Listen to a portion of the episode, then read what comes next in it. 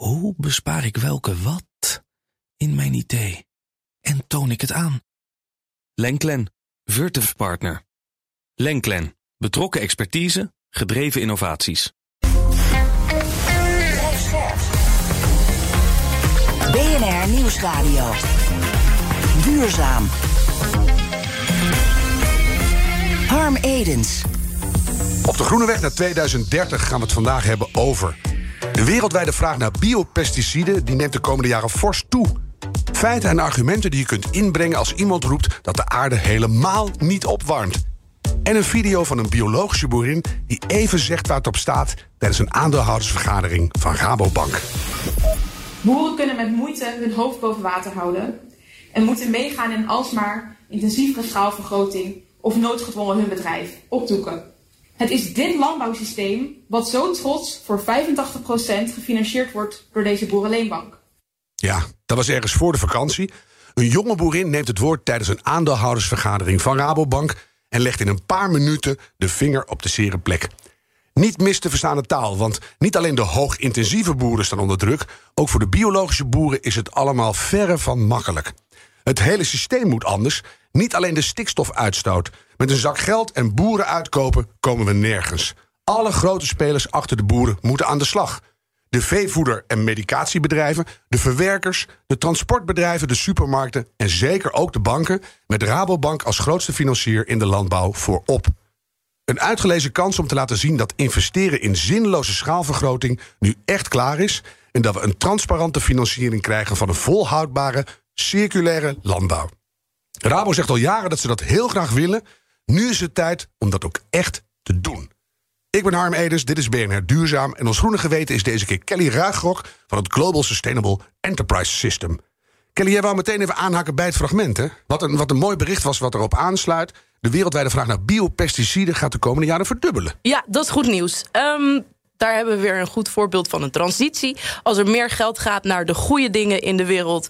Uh, die beter zijn voor het milieu, dus biologische gewassenbestrijding... Mm -hmm. dan is dat natuurlijk altijd beter. Nou, we hebben in Nederland een heel mooi bedrijf, Koppert. En Koppert is marktleider op het gebied van biological crop control wereldwijd. Ja. En de implementatie van biologisch kweken en telen... helpt natuurlijk de aarde om biodiversiteitsstatus te verbeteren. Ja. Dus Koppert verduurzaamt niet alleen de wereld... maar ook meten zij hun eigen duurzaamheid en ook van hun dochters wereldwijd. Want zij doen dit wereldwijd. Mm -hmm. En van de week zat René Koppert hier bijvoorbeeld uh, bij BNR, bij uh, BNR Zaken doen. En die had het ook over dat wet en regelgeving ook een beetje mee moet gaan werken om dit mogelijk te maken. Ook in transitie graag. Precies, dus dat is hartstikke mooi. En een Nederlands bedrijf... Want hij uh, bedoelde het toelaten van die natuurlijke bestrijdingsmiddelen... dat loopt nog achter. Dat ja. mag heel vaak gewoon niet eens. Precies, ja. precies.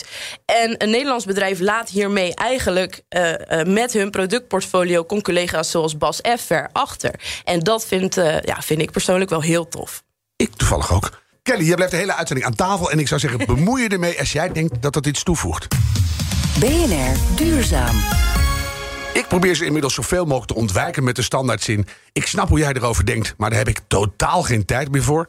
Maar soms loop ik er toch nog eentje tegen het lijf. Een klimaatontkenner. Jazeker, er zijn nog steeds veel mensen die niet geloven... of niet willen geloven in een alsmaar warmer wordende aarde. Bart Verheggen is klimaatwetenschapper, verbonden aan RTL Nieuws... en aan de Amsterdam University College. En van zijn hand is ook het boek... wat iedereen zou moeten weten over klimaatverandering. Bart, fijn oh. dat je er bent. Even maar het gevoel, hoe verklaar jij dat er in de maatschappij... nog steeds twijfel wordt gezaaid over de klimaatwetenschap? Ja, dat is volgens mij omdat er mensen zijn die ontzettend tegen de voorgestelde maatregelen zijn. En dan uh, zijn ze geneigd om dan het probleem maar te verkleinen... of te bagatelliseren of zelfs te ontkennen. Mm -hmm. Want ja, dan hoef je niet meer over die maatregelen na te denken. Ja, dus het is eigenlijk de makkelijkste uitweg. De oplossing is zo uh, afschrikwekkend dat ze ja. denken... dan gaan we het probleem ook maar ontkennen. Precies. Terwijl we het aan alle kanten om ons heen zien, zou je zeggen. Zeker de laatste zomer. Ja, je ontkomt er nu niet meer aan. Nee. En er zijn er ook nog de fossiele industrieën die bewust twijfel zaaien in het klimaatdebat. Hoe, hoe gaat het precies in zijn werk? Weet je dat? En, en werkt dat ook nog steeds?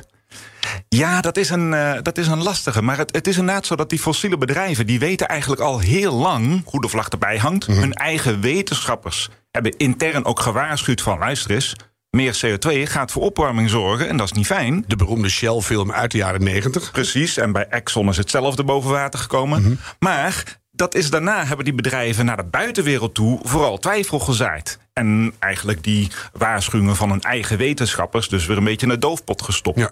En nu Eh, gaat het- en dat is wel heel kwalijk. Ja. Nu gaat het op twee sporen, hè? want eh Marjan van Loon, Shell Nederland, zegt... nee, maar wij zijn het meest duurzame fossiele bedrijf. Wij investeren miljarden in, in de eh, renewables. En ondertussen Shell Wereld, die blijft dus maar die twijfel zaaien. Nou ja, het, het blijft in ieder geval een vrij klein aandeel wat naar de duurzame investeringen gaat. Dat klinkt als een heel groot bedrag voor normale stervelingen als jij en ik. Maar het is nog een klein aandeel van hun totale geldstroom. Ja. Ehm, aan de- ik denk wel dat er iets veranderd is in de zin van het, het heel eh, eh, expliciete twijfelzaaien van die bedrijven. Dat durven ze niet meer, hè? Minder geworden. Ja, Ja. dus de- ook dat is in een positieve transitie. We blijven het allemaal maar eh, leuk zien. Hoewel, ik, je hoort de klimaatontkenners nu thuis die naar dit gesprek luisteren. Die hoor je nu zeggen: Kijk, daar heb je die linkse mainstream media weer. met zo'n pseudo-brave Ja. wetenschapper die het officiële verhaal moet vertellen. Ja, maar dat is zoiets raars. Want die, die CO2-moleculen die zijn helemaal niet links of rechts. die doen gewoon wat ze doen. Die absorberen warmtestraling. Ja, deal er maar gewoon mee. Ja. Eh, en als je dan de beleidsvoorstellen niet prettig vindt... in plaats van het probleem ontkennen... kom dan met betere beleidsvoorstellen, zou ik zeggen. Dat is altijd goed en beter voor ze. Kelly, eh, heb jij ook klimaatontkenners op je pad en hoe ga jij daarmee om? Ja, je hebt natuurlijk mensen die hun vraagtekens zetten bij het een en ander aan beleid. Je hebt natuurlijk daar een groep mensen tussen zitten die gewoon alleen maar kijken naar de consequenties voor hun en zeggen: ja, we willen, hè, we willen dit ontkennen. Aan de andere kant heb je ook een grote groep mensen die denkt: ja, we kijken wat verder.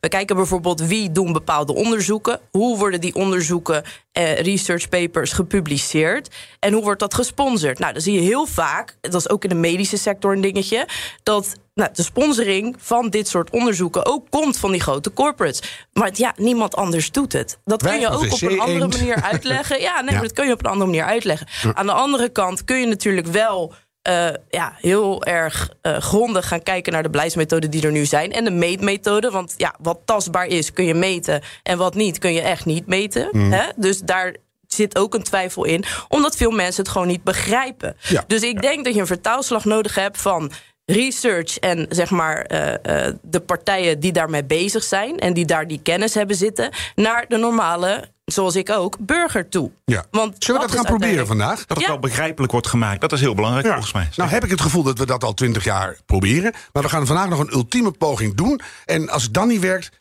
dan weet ik het ook niet meer. Eh, een aantal feiten en fabels, die gaan we maar eens van elkaar onderscheiden. Bart, eh, deze gebruiken klimaatontkenners heel vaak. Klimaat verandert altijd. Vroeger was de aarde nog veel warmer. Wat zitten we ons nou druk te maken?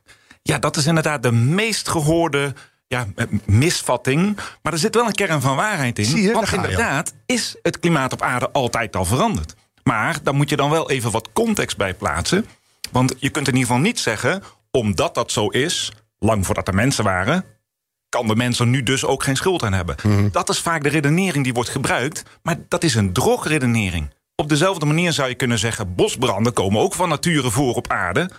En daar zou een brandstichter zich mee vrij kunnen pleiten of zo. Door te zeggen van nou, edelachtbare, ik heb die brand niet aangestoken. Komt altijd voor. Ja, of Nou, dat dat feit dat nu- recht erin natuurlijk. Nee, of het feit dat er nu zo ontzettend veel dingen in de hand staan. Ja, dat, eh, dat is altijd al geweest af en toe. Maar, maar, zoveel maar niet je kunt je natuurlijk. Mhm. daar dus niet. Het is dat iets van nature voorkomt, wil niet zeggen dat een mens het niet ook kan doen. En dat het de laatste tijd dus meetbaar heel veel sneller gaat dan de periodes daarvoor. hè? Dat ook nog eens. Dat ja. lijkt mij een belangrijk argument in Ja, deze. ja, en daar komt er nog bij, want de klimaatwetenschappers bestuderen natuurlijk die klimaatveranderingen uit het verre verleden. Met ijstijden en nog daarvoor, ten tijde van de dinosaurussen, was het weer veel warmer, et cetera. En wat blijkt nou? CO2 speelde heel vaak een hoofdrol bij die grote klimaatverandering uit het verleden. Dus die studie daarvan, die ondersteunt juist het grote belang van CO2 voor het aardse klimaat. Ja, en zeker de laatste tijd. Want sinds de industriële revolutie, laten we grofweg zeggen, net na 1800 tot nu, is een heel klein periodetje in de aardegeschiedenis met enorm veel impact. Kunnen jullie meten? Ja, het is een, eh, een split second als je dat bekijkt in de geschiedenis van de aarde. En de temperatuur is echt omhoog geschoten. Ja. Kijk, voor ons mensen gaat dat langzaam. Maar in geologisch perspectief gaat de opwarming nu echt pijlsnel. Ja. Kijk, argument nummer één. Wat deze mensen ook vaak roepen: het staat helemaal niet vast, Bart, dat de aarde opwarmt door CO2. Nou, dat is, eh, dat is toch wel een beetje klassieke natuurkunde te noemen. Dat CO2 en andere broeikasgassen warmtestraling absorberen. Hè, dat is al gemeten eh, in mid-19e eeuw. Mhm. Daarna zijn er berekeningen gedaan van... goh, wat betekent dan een hogere CO2-concentratie voor het aardse klimaat? Dus we hebben het intussen over natuurkunde... waarvan de basis meer dan 150 jaar geleden is gelegd. En even in de kern, want iedereen weet, CO2 geeft, geeft opwarming. Hoe werkt het dan precies? Ze absorberen die straling en dan? Ja, de, de, de broeikasgasmoleculen zoals CO2... die absorberen infraroodstraling... En dan stralen ze weer uit in allerlei richtingen, waaronder ook uh, naar het heelal. um, de straling, de infraroodstraling, die kan pas naar het heelal uitgestraald worden vanaf een bepaalde hoogte waar het dan kouder is. Wordt er minder energie naar buiten gestraald.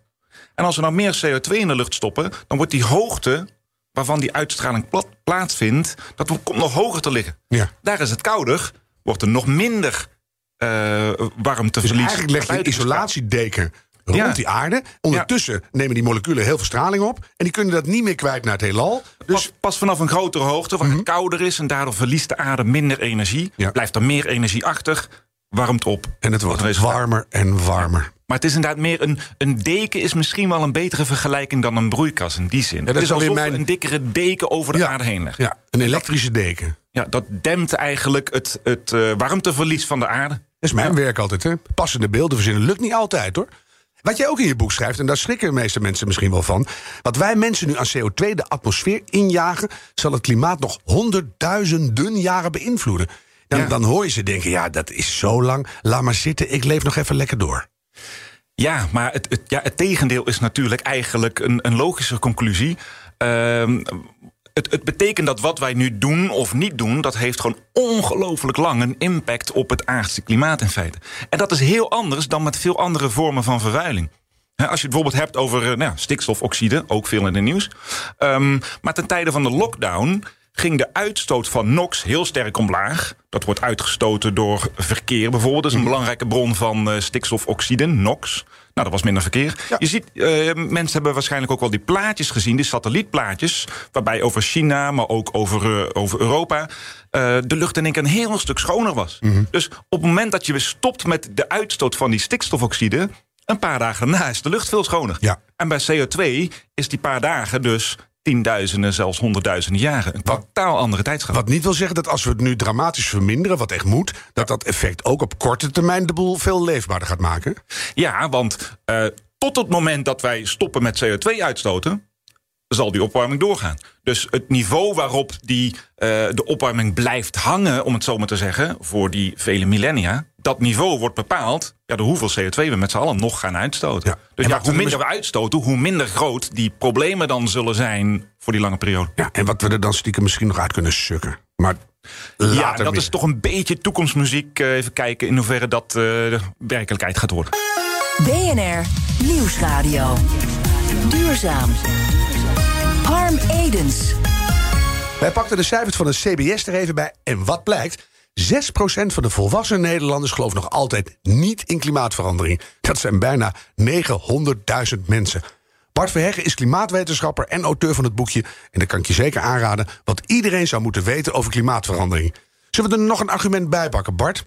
Eh, de klimaatontkenners die hebben dat eh, in de mond bestorven liggen dat 97% van de wetenschappers menselijk handelen aanwijst als grootste oorzaak van het opwarmen van de aarde, dat is een fabeltje.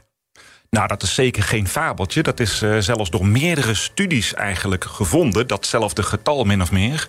En ook andere studies hebben gekeken naar eh, enquêtes onder klimaatwetenschappers. Ik heb ook een dergelijke enquête uitgevoerd eh, tien jaar geleden. Eh, kwam een net iets lager getal uit. Maar nog steeds is het echt duidelijk zo dat tussen de 90 en 100 procent van de actieve klimaatwetenschappers, die daar ook echt aan gewerkt hebben, die onderschrijven de conclusie: ja, dit ligt aan CO2 en andere broeikasgassen. Maar waar komt dat hardnekkige ontkennen dan vandaan in dit geval?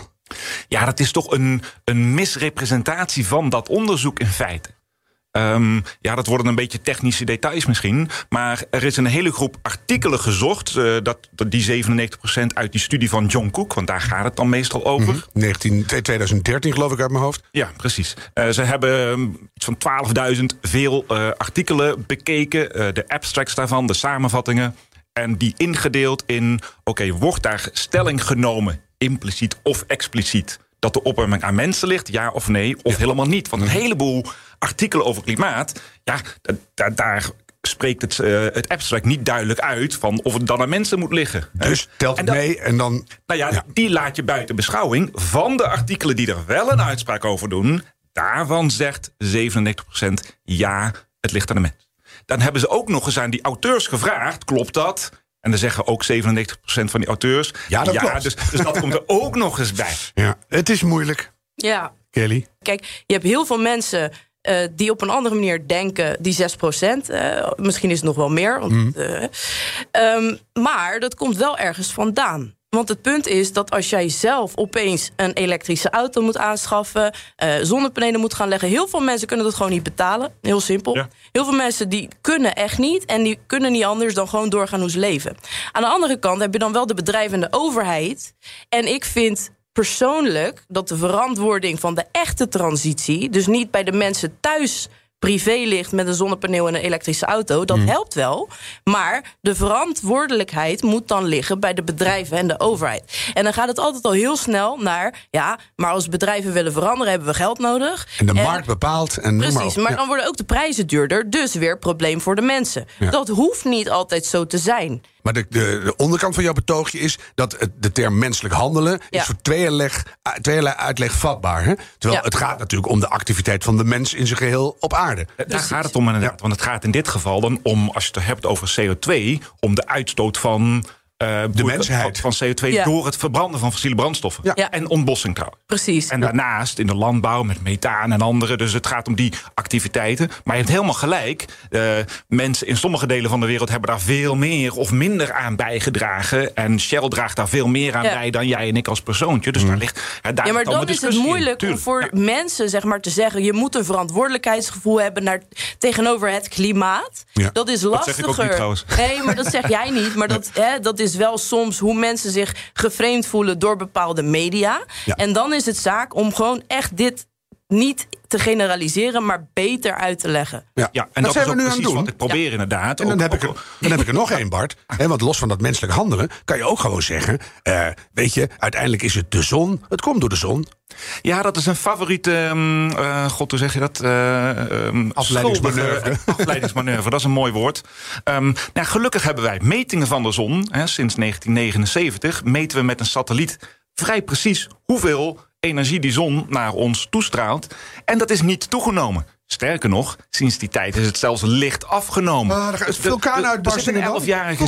de zon. Die zijn ook heel erg. Ja, heel erger dan wat wij uitstoten. Die zijn heel erg als je in die lava stapt. Maar um, na een sterke vulkaanuitbarsting koelt het klimaat juist een stukje af. Omdat die vulkaanuitbarsting een heleboel reflecterend stof in de lucht blaast. Die verduistert de boel. Dat werkt een beetje als een eh, parasol, bij wijze van spreken. Er wordt meer zonnestraling teruggereflecteerd. Die doen we ook weg. Hè? En de, hoeveel, de hoeveelheid CO2 van de vulkaanuitbarstingen is ongeveer 1% van wat wij met onze energiesector uitstoten. Dus ook dat is gewoon heel klein. In oh, jouw leven is ook niet makkelijk, hè? Dan kan je het zo helder uitleggen en niemand gelooft je nog steeds. Want, misschien wel de allerergste, klimaatmodellen zijn super onbetrouwbaar. Die komen vrijwel nooit uit. Nou, dat kun je vergelijken door die modellen erbij te pakken, ze met metingen te vergelijken. Even tussendoor. Hij is wel goed, hè, Kelly? Ja, ja. Hij gaat gewoon door. oh, ik ga onverstoorbaar door, ja. Maar, en dan moet je natuurlijk, wel belangrijk, appels met appels vergelijken. Mm. Heel belangrijk. En dan blijkt dat die modellen echt heel goed de metingen kunnen simuleren in feite. En dat geldt op verschillende aspecten. Sterker nog, de opwarming aan zich is in feite al voorspeld door Arrhenius in 1895, voordat er überhaupt sprake was van opwarming. Ik zeg Club van Rome 1972, komt behoorlijk goed uit nu, hè? Dus, uh... Er zijn verschillende uh, voorspellingen gedaan daar ook, ja. ja. Jij bent dagelijks met dit vakgebied bezig. Zie jij nog mogelijkheden om het tijd te keren? En dus A, dat iedereen uh, nu een bijdrage gaat leveren. Maar ook, is, is er nog een wonder dat we goed uitkomen?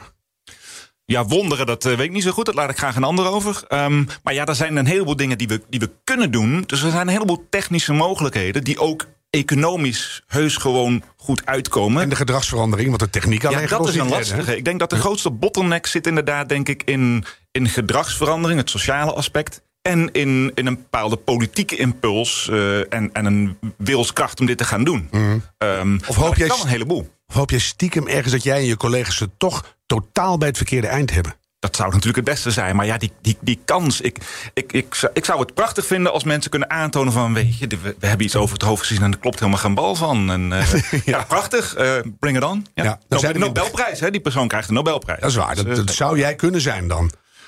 wellicht. Nou, zeiden we aan het begin, het is bijna onmogelijk om die klimaatceptici en ontkenners te overtuigen. Ja. Het beste een klap met je boekje geven, of wat moeten we doen? Nou, ik heb heel veel gediscussieerd met mensen hierover. En eigenlijk mensen die daar helemaal in vastzitten in die ontkenning. Ja, die krijg je eigenlijk met geen mokerslag. En ook niet met een heel goed boekje van hun eh, pad. Nee, dus die, die laten we even lekker zitten. En als het dan beter gaat met de wereld, zeggen: fijn, jullie mogen daar ook wonen. ja, dat is misschien een goeie. Zoiets. Bart Veger, dank dat je er was. Klimaatwetenschapper. Kelly, wat ga jij meenemen van dit gesprek vanavond aan de eetkamertafel? Ja, wel het laatste denk ik. eh, gedragsverandering. Ja. Ja, deze week 1 september eh, gaan we eh, met de eerste retailer en e-commerce partij live... die van al hun producten materiaalgebruik laat zien... eh, met echte scores, geverifieerde data van hun product... maar ook van hun verpakkingen, et cetera. En dan kun je eigenlijk als burger gewoon echt duurzaam gaan inkopen. Dus wat kun je gaan doen? Je kan gewoon kijken, wat is voor mij belangrijk? Dat ga kopen. En zo kun je dus ook druk uitoefenen op de producent. Omdat als steeds meer mensen dat gaan doen... dan kun je als mens echt wat beïnvloeden. Dan hoef je dat niet per se in je eigen huis te doen. En je krijgt er ook een goed gevoel van. Ja. En dat is ook fijn. En wat, eh, wat leer ik van eh, Bart? Nou, dat je al die klimaat-totaalontkenners... die laten we gewoon zitten, daar kijken we naar... en daar halen we nieuwe energie uit... om keihard door te gaan met het maken van een betere wereld. Zullen we dat doen? Dankjewel, dit was BNR Duurzaam, de groene weg naar 2030. Laten we die met z'n allen nemen en een beetje doorlopen graag. De tijd van treuzelen is voorbij.